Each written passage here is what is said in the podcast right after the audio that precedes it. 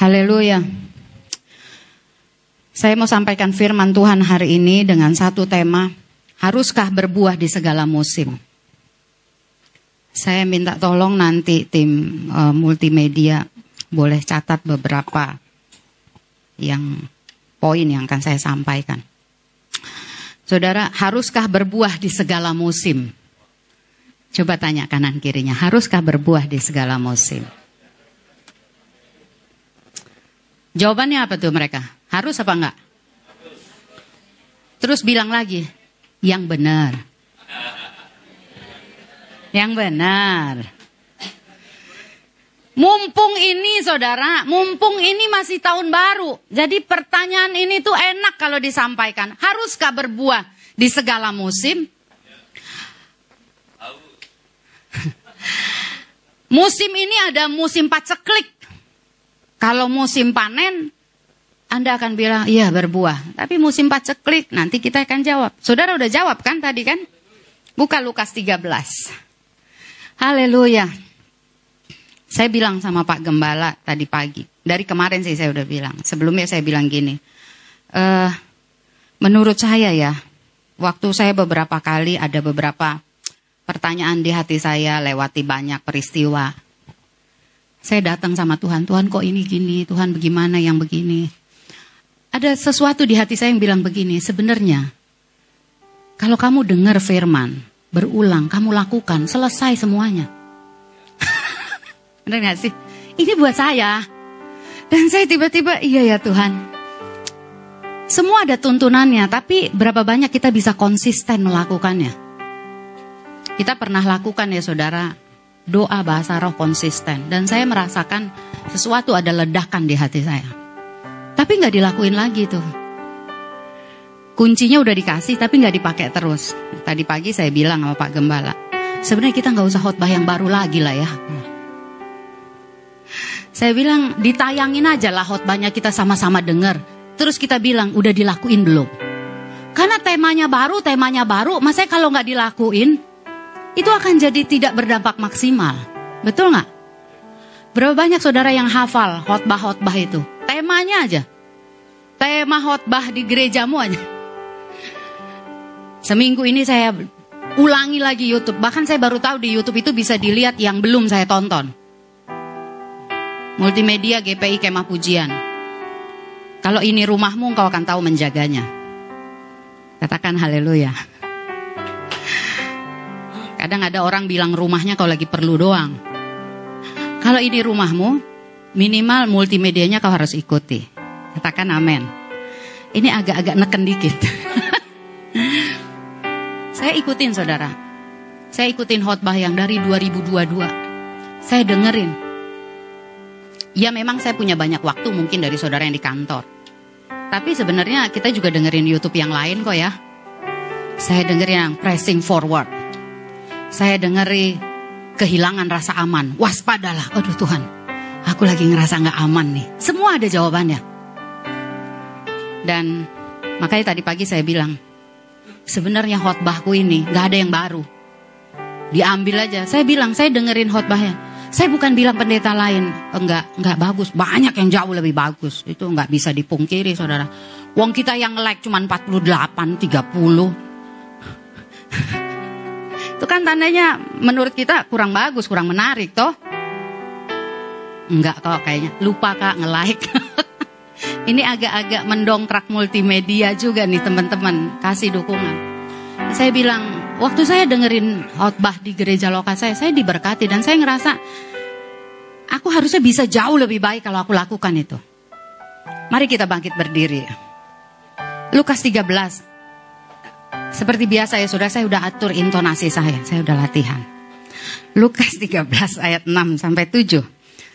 Kita baca ayat firman Tuhan ini sama-sama. Perumpamaan tentang pohon ara yang tidak berbuah. Keluarkan suara yang terbaik. Lalu Yesus mengatakan perumpamaan ini. Seorang mempunyai pohon ara yang tumbuh di kebun anggurnya. Dan ia datang untuk mencari buah pada pohon itu. Tetapi ia tidak menemukannya. Lalu ia berkata kepada pengurus kebun anggur itu, sudah tiga tahun aku datang mencari buah pada pohon ara ini, dan aku tidak menemukannya. Tebanglah pohon ini, untuk apa ia hidup di tanah ini dengan percuma? Haleluya, silakan duduk. Saudara, waktu ditayangkan ini, saya akan baca dari versi firman Allah yang hidup. Perhatikan satu demi satu.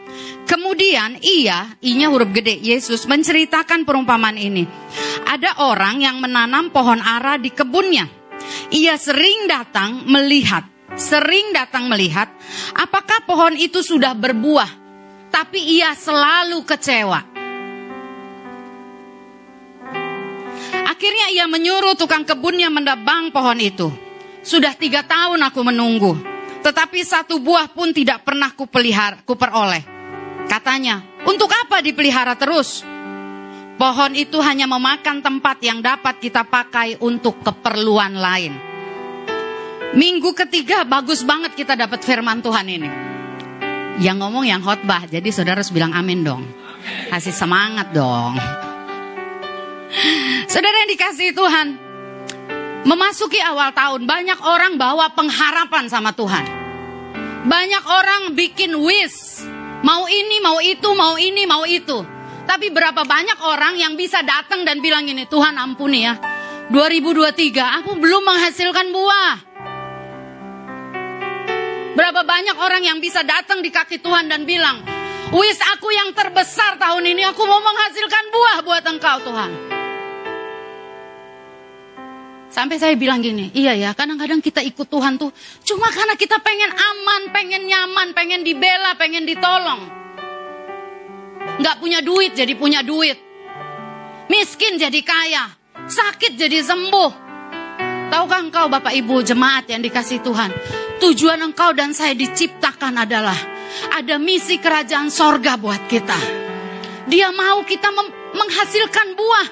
Makanya tadi ayatnya bilang gini, orang yang punya kebun ini sering mendatangi kalau Anda sering berkata gini, Tuhan di manakah engkau? Itu sering kali keadaannya ketika kita butuh tangannya. Tahukah engkau? Dia sering mendatangi engkau dan saya. Katakan sama-sama, Tuhan sering mendatangi saya. Karena dia memang Allah yang maha hadir. Dia lihat waktu kita mulai egonya gede banget. Haleluya. Saya mau kasih tahu dulu saudara. Fakta tentang pohon ara. Ini kan tentang pohon ara yang nggak berbuah. Tolong multimedia catat ya. Supaya kita bisa mencat, kita bisa menjawab, haruskah berbuah di segala musim? Tuhan itu bukan Tuhan yang kejam. Katakan amin. Dia Tuhan yang maha baik. Tadi lagunya bagus. I am a friend of God. Memang sih kita berteman gak selalu dengan yang setara dengan kita, betul kan? Makanya Tuhan mau berteman dengan kita. Karena kita gak setara dengan dia. Betul? Makanya jangan pilih-pilih bulu kalau berteman. Kita aja, kalau Tuhan mau pilih bulu, kita gak layak ditemenin Tuhan. Gak layak banget, raja gitu loh yang temenan sama kita. Coba fakta tentang pohon ara. Yang pertama, dia bisa hidup di dataran tinggi dan dataran rendah. Haleluya. Mau lagi dipromosi, mau saudara lagi dapat satu tekanan, pohon ara itu tetap berbuah. Katakan amin. Waktu saya kasih fakta tentang pohon ara, tariklah kepada diri kita. Yang kedua, tadi bisa hidup di dataran tinggi dan dataran rendah. Nanti poinnya dimunculkan. Yang kedua, saya berusaha pelan-pelan. Pohon ara ini bisa tumbuh subur di iklim sejuk ataupun gersang. Wah. Kalau kata lain tuh tanggal muda dan tanggal tua, dia subur. Bilang kanan kiri, semua tanggal, oi dia tumbuh. Haleluya. Amin. Saudara, coba cek deh. Kita biasanya lebih murah hati waktu punya duit apa nggak punya duit? Padahal murah hati itu ukurannya bukan duit loh. Betul nggak? Kenapa kita langsung, kalau dibilang murah hati, kita langsung ngitungnya uang. Money, money, money. Padahal kemurahan hati itu bukan uang ukurannya. Katakan amin. Tapi cek deh kalau engkau bilang uang, kau lebih murah hati waktu tanggal muda apa tanggal tua? Waktu nggak punya duit kak, tiba-tiba ya orang minta dukungan ya buat aku pengeluaran mulu. Betul nggak? Aku semangat sekali mau khotbah hari ini. Karena yang ku amati di bulan Desember hari ini mau kucurahkan. oh haleluya. Makanya Tuhan kasih sakit cacar. Kau jangan khotbah dulu kau katanya. Januari itu dari awal bulan kulihat mukanya tanggal tua kan. Padahal baru tanggal 3, baru tanggal 5. Enak ya. Kalau ditegur firman tuh kita bisa ketawa itu bahagia loh. Tumbuh subur di iklim sejuk atau gersang? Katakan iklim sejuk atau gersang. Pemilik kebun minta buah dari pohon ara. Haleluya. Yang ketiga, faktanya nih bagus banget sih, saya seneng loh. Dapat tumbuh subur di tanah gembur ataupun bebatuan. Dihimpit atau diberi kelegaan, dia bisa tumbuh. Fakta ketiga, dapat tumbuh subur di tanah gembur atau tanah bebatuan. Nggak muncul-muncul dia, lagi dilengkapi ya.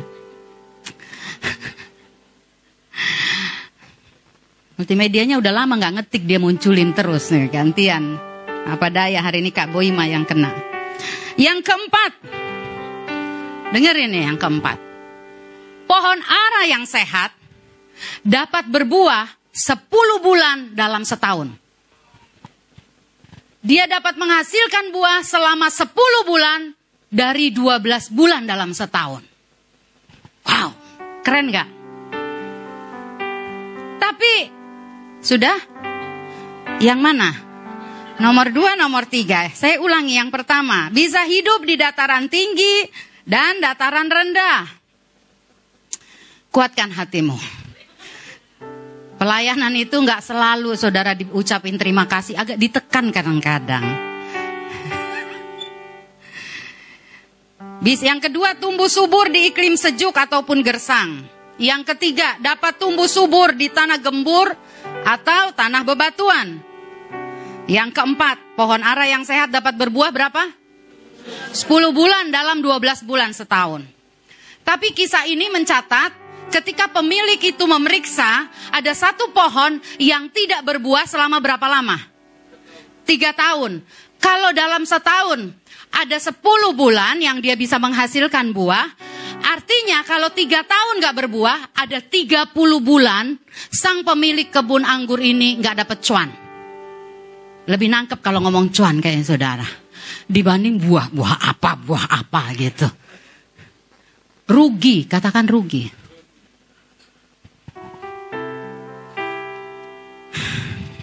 Saudara, dalam Alkitab beberapa kali ada perumpamaan tentang kerajaan sorga.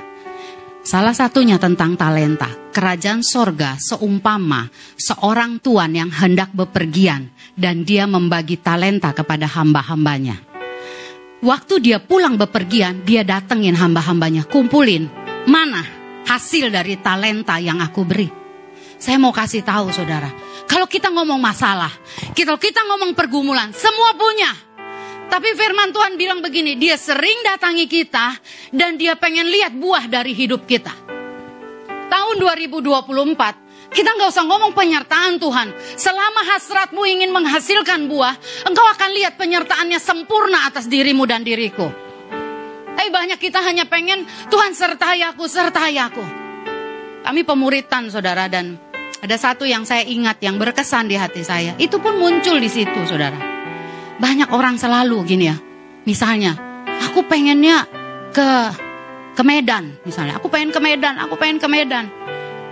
Dan padahal sebenarnya gini, kita kadang-kadang kita bilang kita udah doain sih. Waktu didoain sebenarnya dia belum dengar arahan. Tapi dia terlalu yakin dia berangkat ke Medan. Ongkosnya kurang. Di sana ada orang tua, harus dikasih, ya Juanda. Gak punya duit, tapi aku harus ke Medan. Terus tau gak kalau oh ya, iyalah lewat Medan lah, jangan si langit mahal tiketnya. Tapi saudara tahu gak? Ini orang rohani, saya ngomong orang rohani. Sering pakai nama Tuhan itu loh. Nanti dia berdoa, dia akan bilang gini. Misalnya dia suami istri atau keluarga, dia bilang, kita tunggu Tuhan menolong. Kita tunggu Tuhan, kita tunggu Tuhan. Tuhan bilang, kok lu maksa gua? Saudara nangkep? Kita ngotot dengan keinginan kita, tapi kita bilang kita tunggu Tuhan. Kata Tuhan, aku nggak ada di situ. Semua kita bisa bikin keputusan yang salah. Tapi nanti kita akan belajar. Ada sikap hati yang harus kita miliki dengan benar. Katakan amin. Makanya kalau mau buat keputusan, saya selalu bilang gini. Ada orang yang bilang, iya kami lagi nunggu Tuhan. Nunggu apa? Aku hamba Tuhan. Galak lagi. Banyak kita tuh gitu. Kita tunggu Tuhan. Lu tunggu apa? Coba tanya kanan kiri. Lu nunggu apa dari Tuhan? Nunggu apa? Nunggu sorga transfer. Nunggu apa? Coba liatin kanan kiri dulu. Nunggu apa lu?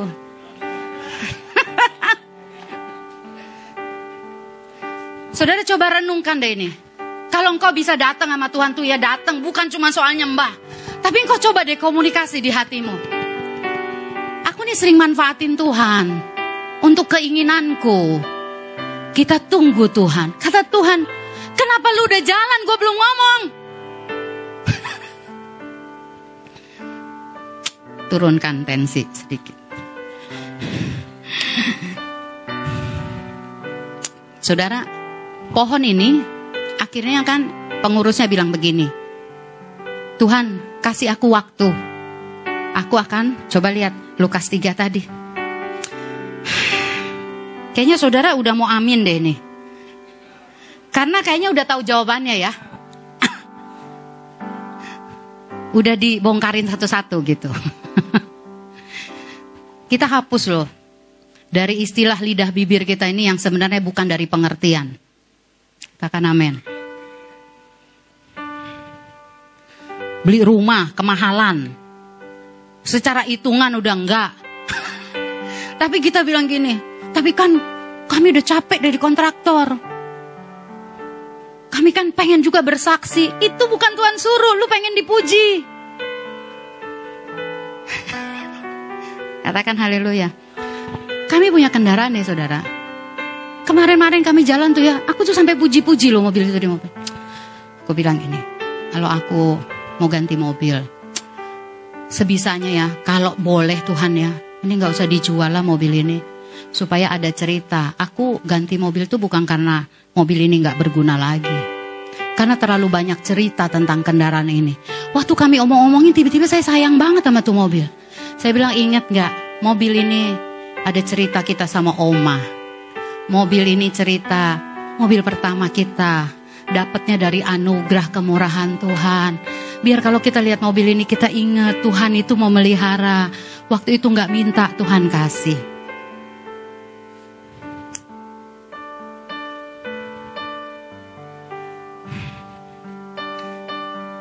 Sekalipun ya saudara, kadang buat orang, ada yang orang lama nggak ketemukan, belum ganti mobilmu katanya. eh iya, saudara kalau ketemu orang gitu bersyukurlah. Karena itu mengorek hatimu. Betul nggak? Kalau orang bilang gini, masih sendiri loh, betah amat gitu. Oh haleluya. Kau memunculkan apa yang tersembunyi di hatiku. Kami punya teman-teman yang kadang gini, masih ngontrak. Ngeri banget ya, kirain hamba Tuhan lebih lemah lembut nanyanya. Enggak, saya yang ditanya, ibu masih ngontrak di situ. Belilah katanya. Dalam hati saya, jangankan rumah itu, rumah lu aja pengennya gue beli. Saudara harus gitu loh, katakan amin. Banyak orang gak tahan di sini, Akhirnya dia dengerin tuh omongan-omongan, dia beli, habis itu susah payah, mulai tiba-tiba kena PHK, terus nggak kerja, cicilan banyak, dia tanya, di manakah engkau Tuhan?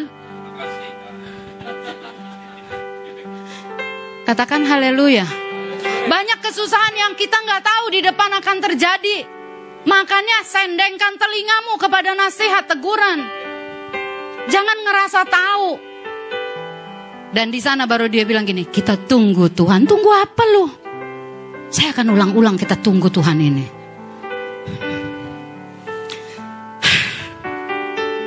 Salah satu baca ayat 8 dan 9. Oh, makasih Pak Penggembala. Jawab dia kata dia tunggu tahun ini lagi. Ini erangan Pak Gembala kayaknya. Lanjut.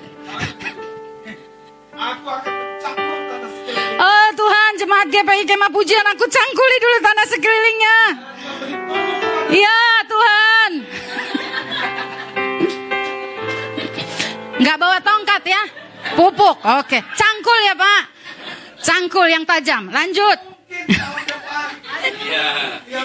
Haleluya.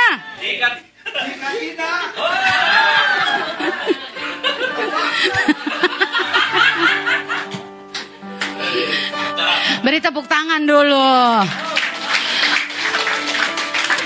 Harusnya saudara, saudara shoot dari dekat itu wajahnya. Tapi itulah itulah gembala ya. Jika tidak, nggak tega dia lanjutkan. Duduk langsung Pak Gembala. ah, haleluya. Saudara, ingatlah, kenallah Tuhan dengan benar. Dia bukan cuma hanya Tuhan yang baik, yang murah hati, yang setia. Dia Tuhan yang punya hitungan waktu. Katakan amin. Dia menghitung waktu hidupmu dan waktu hidupku. Ya dia panjang sabar, ya dia murah hati, ya dia mengampuni kita. Tapi ada timingnya Tuhan, schedule-nya Tuhan buat hidupmu dan hidupku.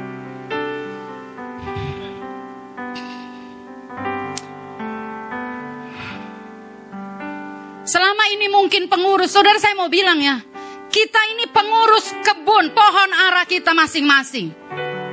Saya pengurus pohon arah hidup saya. Bukan yang lain. Jangan kasih tanggung jawabnya sama orang lain. Saya pengurus kebun, saya pengurus pohon ini. Tapi sekian waktu pohon itu nggak berbuah. Kunjungan Tuhan, kunjungan pemilik kebun anggur itu di, mengunjungi pohon arah itu dianggap sepi sama pengurus itu. Katakan kunjungan selama tiga tahun dianggap sepi.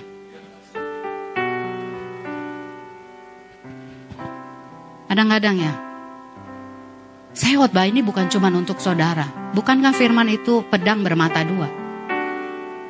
Berapa kali lawatan Tuhan, kunjungan Tuhan, pernyataan Tuhan. Tapi itu bisa dianggap sepi. Dan firman Tuhan ini mencatat tiga tahun Mungkin selama tiga tahun ketika sang pemilik ini datang, dia nggak pernah kasih statement yang segitu tajam. Sampai datang waktunya setelah tiga tahun, dia bilang gini, untuk apa yang ini ngabisin tempat, tebang dia. Baru sang pengurus ini cek sadar, aduh tolong kasih aku waktu, tolong kasih aku waktu. Kalau engkau dengar firman Tuhan minggu lalu, tentang peringatan-peringatan Tuhan. Jangan lewatkan. Tiga tahun ini jadi ukuran waktu. Coba tinjau tiga tahun ke belakang. Apakah engkau dan saya sudah menghasilkan buah? Kita bertanggung jawab mengurus pohon hidup kita. Amin. Menghasilkan buah, mengembalikan kepada sang pemilik. Biar ini jadi fokus kita tahun ini, saudara menghasilkan buah, menghasilkan buah. Dan ada dua catatan yang akan saya sampaikan. Yang pertama, yang namanya mencangkul. Untuk dapat menghasilkan buah namanya mencangkul. Waktu dicangkul saudara kadang-kadang ada akarnya yang patah loh. Betul nggak? Di sekeliling. Saya punya tanaman saudara, cuman tanaman bunga. Waktu saya kena cacar saya kan nggak keluar rumah setelah saya keluar saya baru lihat ada ada pohon ada bunga saya yang warnanya merah daunnya. Saya suka banget. Ngeping, tebel gitu. Ternyata mulai ada ulet. Uletnya gede-gede segini. Aduh saya kesel banget lihat uletnya itu. Tapi jijik juga. saya ambil tisu, saya pokoknya saya ambilin. Saya belum punya alat penyemprot yang untuk saya lagi udah bilang mas saya pesen ah saya mau itu. Tapi sebelum itu saya mulai ambilin setiap hari akhirnya saya fokus sama tanaman itu. Dan saya mulai lihat, oh ternyata bukan dia aja yang kena. Di sebelahnya mulai kena ulet. Dan waktu itu saya mulai lihat lagi, yang ini nggak ada ulat, tapi mulai ada telur-telurnya. Tahu nggak, engkau akan bisa melihat pohon hidupmu berbuah apa enggak kalau engkau punya waktu memeriksanya. Yang pertama untuk berbuah namanya mencangkul. Saya tadinya mau kasih khotbah hari ini judulnya adalah mencangkul dan memberi pupuk. Sampai akhirnya di hati saya ada tuntunan yang berbeda. Haruskah menghasilkan buah di setiap musim. Mencangkul ini bicara, membongkar batu-batu yang keras. Ibrani 3 ayat 7 berkata begini, seperti yang dikatakan roh kudus pada hari ini, jika kamu mendengar suaranya, jangan keraskan hatimu. Katakan amin. Saudara, mencangkul ini bicara, tanahnya digemburin. Buat apa dikasih pupuk kalau nggak dicangkul dulu? Betul nggak? Betul nggak Pak Jumadi? Kalau ngasih pupuk tanahnya nggak digemburin kira-kira maksimal nggak? Nggak maksimal saudara. Karena pupuk diharapkan masuk ke dalam tanahnya. Saudara, ini bicara tentang upaya. Perlu waktu. Saya mau bilang dengan kasih Tuhan ya, siapa pun kita di tempat ini. Jangan pernah bilang gak punya waktu untuk kita teduh di hadapan Tuhan. Jangan bilang gak punya waktu untuk membaca firman. Hati kita nih ukurannya, hati nuranimu hadapkan sama Tuhan. Berapa YouTube yang bisa engkau tonton? Berapa WA kita bisa baca? Firman gak kita baca? Itu bahaya banget. Katakan kanan kiri bahaya banget. Bilang gini saudara, mungkin ini teguran tahun ketiga loh. Amin. Ada orang lagi yang baca perjanjian lama nggak mau dibaca. Emang lu bisa pilih-pilih? Saudara saya mau jujur nih. Saya pernah bilang kan, saya baca firman Tuhan saya usahain setahun itu tiga kali kan. Tapi tahun kemarin ada yang gagal, ada yang miss buat saya. Saya nggak bisa selesaikan di Desember bacaan saya yang ketiga tahun 2023. Masih sekitar 89 persen. Saya baru selesaikan. Saya ketinggalan banyak. Saya coba kebut nggak bisa. Itu bacaan yang rutin. Memang kalau Anda ikuti programnya itu setahun harusnya hanya sekali selesai baca Alkitab. Saya punya target karena saya pikir saya hamba Tuhan. Orang kalau mau nuai lebih ya naburnya banyakkan lah, ya kan? Katakan amin. Kalau Anda mau dapat hasil lebih, Anda harus investnya lebih dong. Saya pikir itu bagian invest saya. Saya mau mengenal Tuhan, bukan sekedar hasil. Saya pengen kenal Dia lebih dekat, lebih lebih clear. Aku kenal karena karena kan firman dia bilang begini, firman Tuhan itu Allah sendiri. Firman itu Allah sendiri. Kalau engkau sibuk bilang gimana ya cara mengenal Allah, baca aja dulu firman. Saya gagal, Saudara. Di tanggal 1 Januari saya belum bisa kibarkan bendera finish. Biasanya saya kibar bendera finish di bacaan Alkitab itu. Selesai. Kadang ada sombongnya pasang status, kadang enggak. Kan pengen orang lain tahu gitu. Saudara saya ini kadang-kadang masih ada sombongnya banyak sih. Pengen orang tahun lain, eh gue tamat nih baca Alkitab gitu. Nah ini pas kebetulan uh, tahun 2023 dua kali saya nggak bikin status. Jadi yang ketiga nggak ketahuan karena emang gagal. Saudara saya mau cerita gini, waktu saya gagal, saya sempat pikir gini, udahlah di clear mulai dari awal tanggal 1. Tapi di hati saya, saya mau bilang gini, Tuhan, gak ada ceritaku yang tertutup di matamu. Aku pernah gagal supaya aku tahu. Gak ada yang bisa disombongkan ketika berhasil, itu Tuhan kok. Saya lanjutin saudara baca. Saya gak berusaha manipulasi, dia maha tahu. Amin. Ada yang clear chat, Tuhan maha tahu. Karena dia maha tahu, janganlah kau ganti. Amin. Dan saya alamin itu, saudara. Itu bagian namanya tanah hati dicangkul. Tanah hati dicangkul artinya gini, orang bersedia dinasehati. Saya kasih beberapa poin aja, karena saya pikir ini bisa harusnya dua kali gitu. Tapi saya mau sekali. Saudara, salah satu ciri tanah hati yang mulai keras, yang perlu dicangkul, yang perlu dibongkar, yang perlu diperiksa. Salah satunya tandanya adalah dia mulai tidak tertarik kepada yang rohani. Kalau engkau datang ibadah ya, tiba-tiba nggak ada gairah lagi. Perhatikan, itu tanah hatimu mulai keras. Dulu engkau bisa excited sama Tuhan? Bukannya pujian penyembahan kita buat Tuhan. Bukan buat gereja, bukan buat pendeta, bukan buat orang kanan kiri. Pujianmu itu persembahanmu buat Tuhan. Kalau engkau udah gak excited, punya waktu, periksa, general check up. Apakah aku masih punya hasrat untuk engkau Tuhan? Kalau ada saudara seminar rohani yang kau bisa datang, tiba-tiba kau nggak pengen, padahal dulu kau cari, kau kejar, ada yang salah dengan tanah hatimu.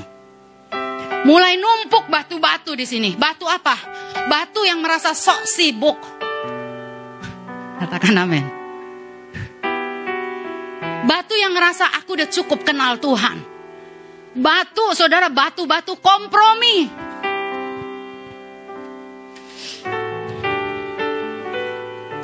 Saudara, dia mulai meragukan kebenaran firman Tuhan. Setiap firman disampaikan, kalau hati kita mulai keras, kita akan bilang gini, enggak gitu.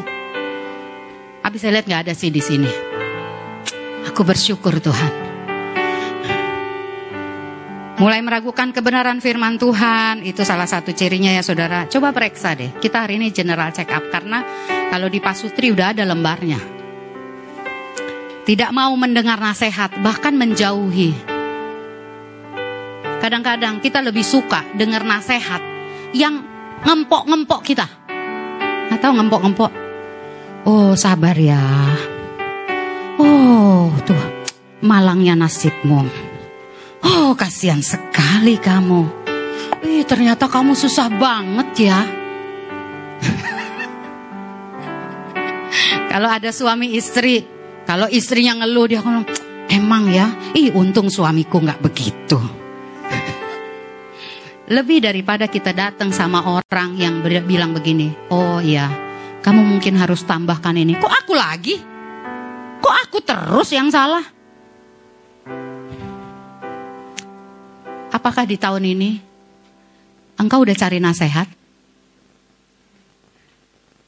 Udah bisa ngomong, aku nih orangnya gini loh ternyata. Atau kita mulai pendam, batu-batu itu tadi menutupi kita. Ini salah satunya lagi nih. Gak peduli sama orang lain. Hmm, kalau yang ini agak dalam nih. Itu ada ada ada nanti hubungannya dengan pupuk. Natal ini berapa orang yang kau kunjungi yang gak datengin keuntungan buatmu? Natal kan banyak libur loh. Ada tanggal libur gak sih? Hah? Banyak gak sih? Ada nggak yang kau datangi orang yang yang nggak mendatangkan, nggak ada hubungan saudara? Kalau ada hubungan saudara aja nggak kau datangi, keterlaluan kau. Anak muda, jangan nunggu nganter undangan baru kau datangi keluargamu. Banyak nggak yang gitu? Dia ke rumah bapak tuanya, ke rumah siapa? Aku mau menikah. Eh ke mana aja kau selama ini? Aku anaknya ibu itu atau bapak itu. Oh kau ya, kok nggak pernah kulihat? Iya memang aku begitu orangnya pemalu.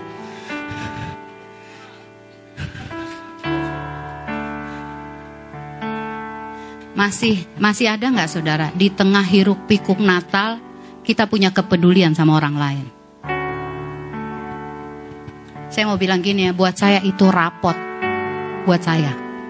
Saya nggak bilang Anda, tapi Anda tahu kok firman Tuhan sedang menegur kita. Berapa banyak lansia yang bisa engkau datangi? Gak punya waktu. Kita sedang mendustai diri kita. Katakan amin. Berapa banyak yang datang ke rumah gembalanya di hari Natal? Kan udah ketemu di gereja. Berapa kue kering kau kirim? Ih kakak ini kalau kakak ini yang ngomong ya, selalu terus terang. Iya, memang aku suka keterus terangan. Dengerin ya, itu salah satu tanda nggak peduli. Anak-anak muda, berapa yang kau beri kepada orang tuamu di hari besar, hari raya, ke orang tuamu? Enggak, enggak ke saya, ke orang tuamu. Kadang kita banyak loh, ngomongnya rohani, tapi orang tua nggak dihitung. Katakan bertobat. Bilang mencangkul. Tanah hatiku harus dicangkul. Orang yang mulai nggak peduli sama orang lain, dia akan melihat dirinya banyak kurangnya. Betul. Dia akan lihat selalu kurang, selalu kurang, selalu kurang. Bukan untuk kebanggaan, saudara. Saya selalu bilang gini, Tuhan, kalau Natal aku punya baju baru. Aku pengen orang lain punya baju baru. Tapi jangan ntar saudara segereja minta baju baru sama saya. Kok saudara aja nggak ngasih, kok mintanya segereja. Galak banget sih di gembala.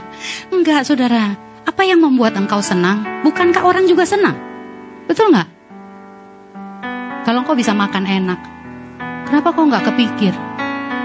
Aku bisa kasih dia, dia akan senang nerima yang enak. Kenapa nggak dilakukan? Batu ketidakpedulian dan nutup di sini.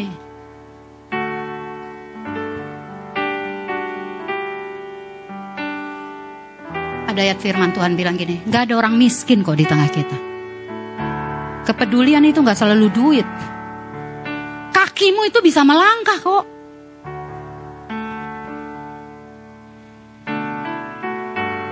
Kadang-kadang ya saudara, kau datang ke rumah orang yang kelihatannya dia baik-baik aja. Duduk ngobrol. Engkau nggak tahu kadang orang itu sedang depresi, dia cuma pengen punya teman ngobrol di sanalah pohon aramu berbuah. Kasih lalu uang. Katakan amin. Ada seorang anak kasih saya kantong. Tante, ini dari Bude buat tante. Aduh. Bilang terima kasih ya. Padahal dia terbatas. Saya bilang terima kasih, terima kasih. Itu kadang-kadang mau gigit kuenya aja tuh Tuhan berkati dia. Yang pertama, kalau engkau mau berbuah, izinkan tanah hatimu dicangkul. Katakan amin. Amin. Yang sekolah, nggak selalu uangmu. Kadang kau membantu temanmu, mungkin yang sekian lama nggak ngerjain PR. Tanyain dia, bantu dia. Di tempat kerjamu, kau bisa kok jadi pohon ara yang berbuah di segala musim. Amin. Banyak orang gak mau ber, gak bisa berbuah karena fokusnya dirinya. Aku sakit, aku kurang duit. Enggak ada yang peduli sama aku. Kalau di gereja nggak ada yang negur aku. Kenapa kau pusing? Bukankah kau pohon ara yang harus berbuah saat ada yang negur apa enggak? Katakan amin. Fokus kita bukan manusia sebenarnya saudara. Itu cuma perantara. Fokus kita dia Tuhan.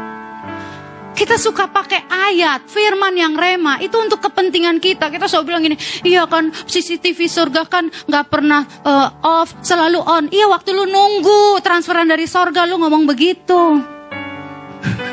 Betul gak? Kalau kepepet, kita tuh ngomongin gitu. Katakan dicangkul. Katakan aku mau dicangkul. Saudara buka hatimu di tempat dudukmu Tuhan cangkul tanah hatiku ini. Yang kedua, ada sepuluh lagi kayaknya sih ya. Memberi pupuk.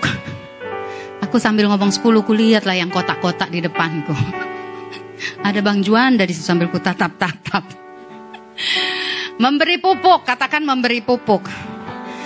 Tadi dia bilang gini, Tuhan kasih aku waktu, aku akan mencung, mencangkul dan memberi pupuk. Saudara pemberian pupuk itu jadi maksimal setelah tanah dibongkar. Katakan amin. Ada potensi berbuah pohon ara itu.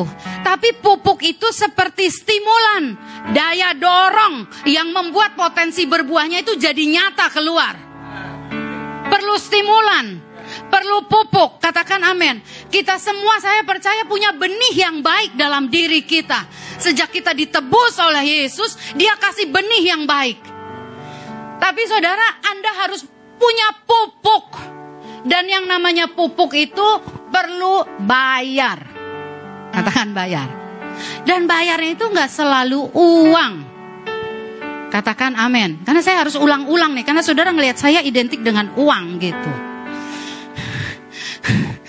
Saudara, bilang dulu sama-sama dalam hidup saya, saya punya potensi menghasilkan buah. Katakan amin. Anda mau jago main gitar, Anda udah bisa main gitar, tapi kalau mau jago, Anda harus beri pupuk yang namanya belajar. Saya lihat orang main gitarnya begitu, gitu aja, ngocoknya kasar banget. Ter, aduh aku nggak bisa nih, nggak bisa. Ya lu nggak belajar. Katakan amin. Aku nggak berani menatap, aku gini aja. Bener nggak sih? Bukan karena orangnya pandai, tapi karena dia latihan. Kak Woro nih, bisa nggak cuma lihat YouTube menghasilkan apa itu nail art, menghias kuku? Bisa, tapi kalau dia mau lebih ahli, dia harus tambah dong pengetahuannya pergi ke kursus yang tatap muka supaya tahu kalau aku salahnya di mana. Namanya pupuk, itu namanya mengupgrade diri kita. Katakan amin. Saudara, mau berbuah, beli pupuk yang tepat. Saya mau kasih dua poin. Nah, multimedia lagi. Hari ini kau kerjamu luar biasa. Yang pertama, Pupuk yang kita perlu yang namanya pupuk keterhubungan. Katakan keterhubungan. Anda ingat di kitab Raja-Raja ketika seorang seorang wanita, seorang perempuan istri ini ditinggal mati suaminya yang nabi dan ditinggali hutang. Dia nggak bisa bayar sampai penagih hutang mau datang mau ambil anaknya. Dan di sanalah dia baru mencari Elisa yang namanya pupuk keterhubungan, saudara, sering kali kita abaikan keterhubungan kita dengan pemimpin rohani, dengan pemimpin kersel, dengan orang-orang di sekitar kita. Ketika ada masalah, dia nggak mau datang ngobrol waktu masalahnya masih kecil. Nunggu masalahnya segede gunung. Baru dia datang. Katakan haleluya. Apa yang membuat kita waktu masalahnya kelihatannya masih kecil kita nggak mau datang minta tolong? Coba jawab, regu A. Rasa sanggup, oke. Regu B. Segan, widih segan pak. Apalagi, regu C, belakang. Malu. Regu D, belakang lagi. Baper. Saudara, Kadang kita malu, ya nggak? Tapi kalau udah segede gunung, malunya nggak ada lagi ya. Malunya tiba-tiba habis karena udah nggak sanggup. Keterhubungan ini ada hubungannya dengan cangkul tadi. Hati yang mau dinasehati, diarahkan. Katakan amin. Ada orang ya saudara, masalahnya keuangan misalnya. Dia cuma mau ditolong, Misalnya utang, maunya dibayarin utang, tapi nggak mau diarahkan. Kalau mau diarahkan, kok ngatur-ngatur? Orang duit-duit gua, saya mau bilang duit gua juga, kan gua ikutan. Katakan amin. Kalau kita mulai ada di kondisi ini, kita sedang keras hatinya. Beli pupuk keterhubungan. Pupuk keterhubungan itu bisa datang. Apalagi kalau dipanggil nggak datang. Aduh, itu pupuknya harus dibayar mahal tuh. Katakan amin. Kalau kakak rohani mau manggil, cepet-cepet datang. Katakan amin. Cepet-cepet datang. Sekalipun dia, oh dia nggak dipakai karunia. Kadang-kadang kita nih, kadang-kadang nggak fair ya. Kita pengennya dipanggil sama kakak yang punya karunia penglihatan, kelihatan, apalah itu. Sampai kalau orang yang biasa, kayaknya oh dia kan bukan pengkhotbah, kita kayak nggak memberi respect yang tepat yang namanya pupuk keterhubungan. Saya kalau mau jelasin lagi bisa sampai jam 12 nggak apa-apa ya. yang kedua, cuman dua lah pupuknya. Yang namanya pupuk menaruhkan belas kasihan ke dalam hati kita kepada orang lain. Pupuk menaruhkan belas kasihan ke dalam hati kita kepada orang lain. Di mana beli pupuk ini? Di mana beli pupuk belas kasihan ini? Saya mau kasih tahu di hadirat Tuhan. Di hadirat Tuhan. Kalau engkau sering dekat dengan Tuhan lewat bacaan firman, lewat penyembahan, engkau mudah digugah belas kasihanmu. Mudah. Kalau hari ini kau temukan nih, aku mulai keras nih Aku mulai nggak peduli nih. Aku ngomongnya harapanku, cita-citaku, masalahku. Aku tuh kadang-kadang saya suka sampai bosen saudara kalau orang ngomongin masalah. Dalam hati ini mah bukan barang baru masalah ini. Udah barang lama, cuman beda kemasan aja, packagingnya aja dibedain. Tapi hari ini kau harus tahu. Ada perbuatan baik saudara. Yang kita lakukan tapi sebenarnya kita kering. Itu yang namanya Robin Hood itu loh. Robin Hood itu mencuri tapi dia ngerasa pahlawan di tempat orang lain. Kalau di Alkitab nggak ada Robin Hood. Adanya namanya Marta.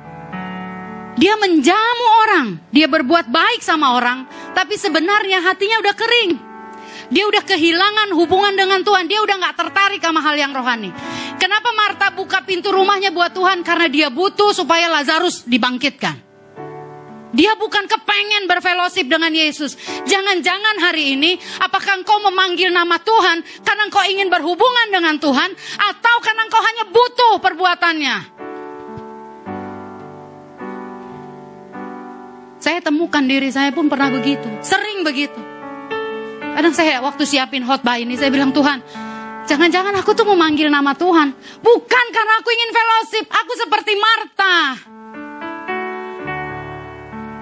Aku butuh Lazarus dibangkitkan. Waktu saya sakit cacar, saudara, ada beberapa orang ya. Nah gini, udah sembuh belum kak? Atau ada lagi nih, bu cepet sembuh dong. Aku pengen didoain dalam hati, enak aja lu manfaatin gue doang loh. Banyak orang begitu sama Tuhan. Waktu saya mau nyiapin ini, Tuhan tuh bicara kayak gitu.